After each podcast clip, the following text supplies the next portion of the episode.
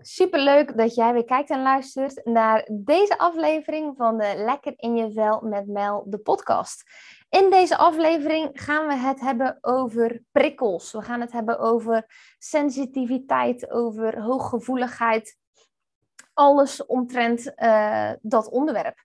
En ik ben er eigenlijk mee in, uh, of in inspiratie is aangekomen naar aanleiding van een één op één klant. Die heeft een deep dive traject bij mij. En zij um, is hooggevoelig.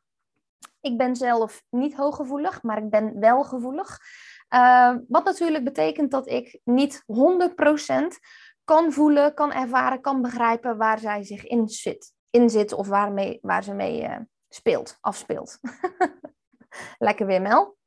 Deze woorden.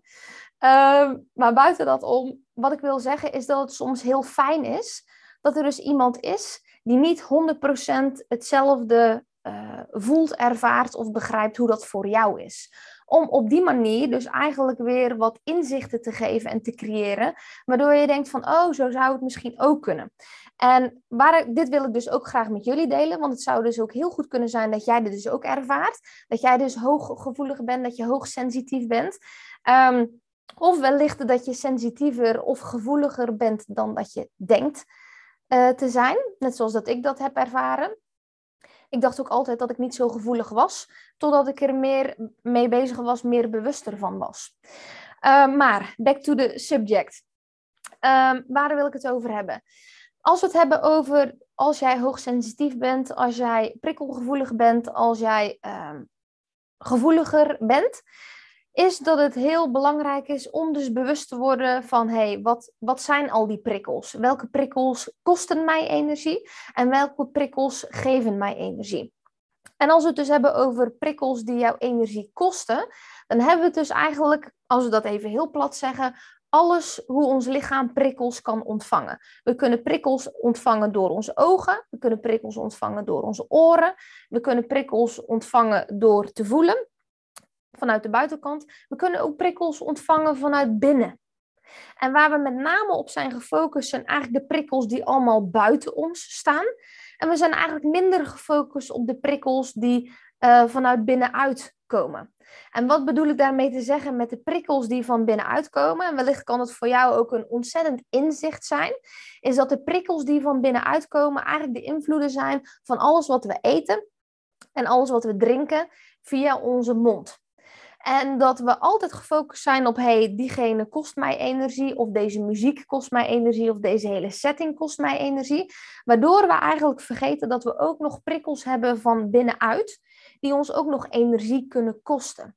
En als we het hebben over gevoelig zijn of hooggevoelig zijn, sensitief zijn of hoogsensitief zijn, dan hebben we dus ook te maken met onze staat van energie.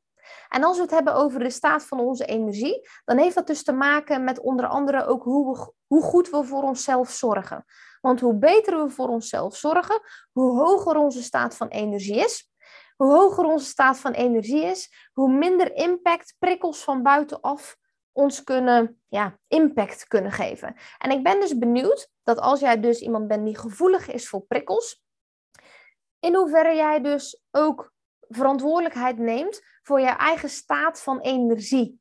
Voor je eigen staat van het goed zorgen van jezelf. En dit was eigenlijk de grootste, dikke, vetste eye-opener voor die één op één klant van mij. En wellicht kan het dus ook jouw grootste, dikke, vette eye-opener zijn. Dat je altijd je focus had staan op externe prikkels. En dat je eigenlijk vergeten was wat dus de focus van de interne prikkels, zoals voeding en drinken, maar dus ook slaap, uh, jouw staat van energie beïnvloeden. En dus je staat van energie, hoe hoger dat die is, hoe beter jij al die prikkels kan verwerken. En hoe lager jouw staat van energie is, hoe minder goed jij al die prikkels kan verwerken. Dus ga eens voor jezelf situaties opschrijven, zoals dat bij mijn klant, die, of mijn klant, uh, één op één klant die dus voor mij, die, die ik dus coach, dat zij er dus achter kan van, oh, maar wacht eens even, die staat van mijn energie is dus klaarblijkelijk ook veel groter van belang op het kunnen ontvangen van die prikkels van extern dan dat ik altijd dacht. En dat dus de kwaliteit van de voeding, de kwaliteit van je slaap, de kwaliteit van herstel, als we het dus eigenlijk hierover hebben, eigenlijk dus ook een veel grotere uh, aandachtspunt is dan dat ik eigenlijk altijd dacht.